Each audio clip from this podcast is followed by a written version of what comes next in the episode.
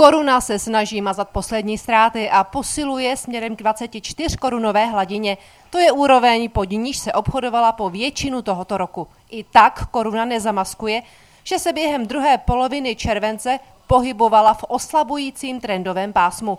Hlavním důvodem letních výprodejů koruny je to, že koruna bude stále víc přicházet o svou větší úrokovou atraktivitu. Eurové i dolarové sazby totiž už v tomto týdnu znovu vyskočí nahoru. Je ale pravdou, že korunu nepodpoří ani ekonomický výhled. Z Německa totiž v posledních dnech nepřichází ani trochu pozbudivé zprávy. Přitom dobře víme, že pokud německé ekonomické mašině dochází pára, zabrzdí to i českou ekonomiku. Přeci jen Německo zůstává nejvýznamnějším odbytištěm pro český zahraniční obchod. A jaká čísla z Německa jsou nepříjemná? Už včera index nákupních manažerů v německém průmyslu propadnul až pod hladinu 40 bodů. Takto nízko byl naposledy během jara koronavirového roku 2020.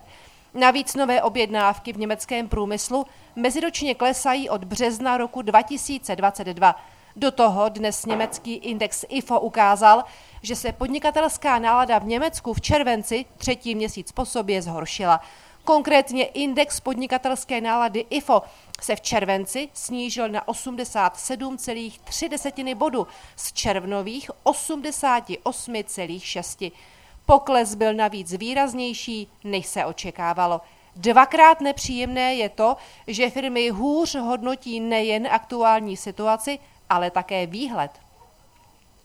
Bohužel ekonomiky silně orientované na průmysl to nyní mají těžké. Na německé firmy v první řadě útočí vysoké náklady na energie. Je přitom paradoxní, že právě v této době Německo vypnulo poslední jaderné elektrárny. Do toho tu máme stále narušené dodavatelské řetězce, kdy si německé firmy musely v posledních čtvrtletích zvyknout čekat na některé díly řadu týdnů až měsíců. Nemálo německých firm si navíc stěžuje na nárůst byrokracie. No a nakonec nejen v Česku, ale i v Německu chybí kvalifikovaní pracovníci a když jsou, jsou drazí. Německý recept na úspěch byl založen na tom, že Německo těžilo z efektivních způsobů výroby a z optimalizace výrobků. Jenže přesně tyto výrobky už často zastarávají, nebo je jejich výroba tak drahá, že se v Německu nevyplatí. Příkladem může být německý automobilový sektor a konkrétně spalovací motor. Tady je na jedné straně obrovským konkurentem Maskova americká Tesla a na druhé straně čínské automobilky s mnohem nižšími výrobními náklady. Co bude výsledkem? Za celý rok 2023 německá centrální banka Bundesbank očekává pokles HDP o kalendářně upravených 3 desetiny procenta. Poté, podle ní, bude v roce 2024 následovat růst o 1 a 2 desetiny procenta. Německo tedy českou ekonomiku evidentně nepotáhne k výrazně lepším ekonomickým číslům. To nakonec pochopí i investoři a negativně to odskáče koruna.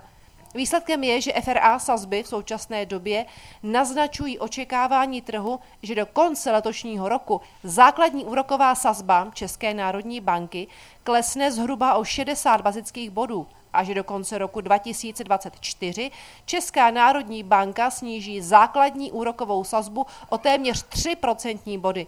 I to je důvodem, proč během roku počítáme s oslabením koruny proti euru k hladině 24,40 korun za euro.